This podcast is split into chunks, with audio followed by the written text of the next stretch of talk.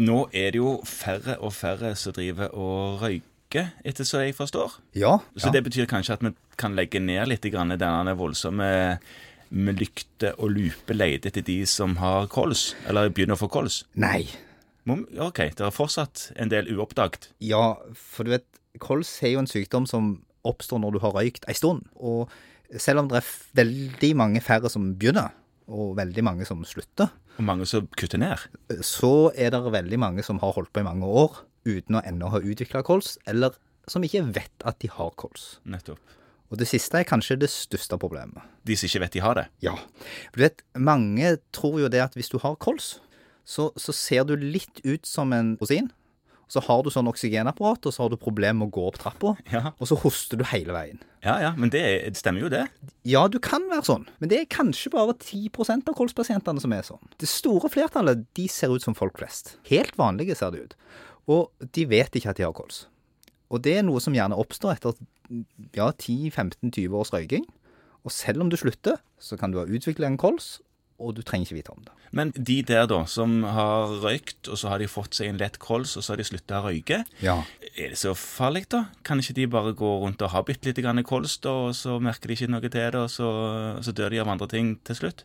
Jo, det kan du si, men det vi vet er at hvis du har en kols, så vil du være ekstra utsatt hvis du skulle få noen luftveisinfeksjoner. Og lungefunksjonen vil som oftest fortsatt falle fortere enn hvis du ikke har kols. Ja. Sånn at det å være klar over at hvis denne pasienten kommer og har en luftveisinfeksjon, så må det behandles annerledes enn hvis han som ikke har kols kommer. Det er ganske vesentlig. Sånn at eh, vi mener fortsatt at det er kjempeviktig å finne de som har kols. Og så skal en gå bredt ut da, og bare skrine nærmest befolkningen. Ja, screening har vi jo snakket om før her, Ja. og det driver vi jo ikke med. Nei, vi driver ikke med La meg omformulere det der, da. Eh, At vi sjekker de som eh, er over 50 for å høre om de har røykt. Ja, nå, nå nærmer du deg noe. Det er jo det vi på veldig godt norsk kaller for aktiv case finding Ja, På, ny, på nynorsk. på nynorsk. Ja. eh, Som handler om at du prøver å identifisere mennesker med høy risiko.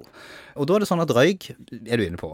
Jeg tenker at definisjonen av kols er jo at du har en nedsatt lungefunksjon, vedvarende obstruksjon, og at du har vært utsatt for en eller annen faktor, enten røyking eller annen luftforurensning. Før så var det jo sånn at en del arbeidsplasser så ble du utsatt for veldig mye toksiske ting på arbeidsplassen. Og så har vi en svær gruppe blant våre nye og ikke fullt så nye landsmenn.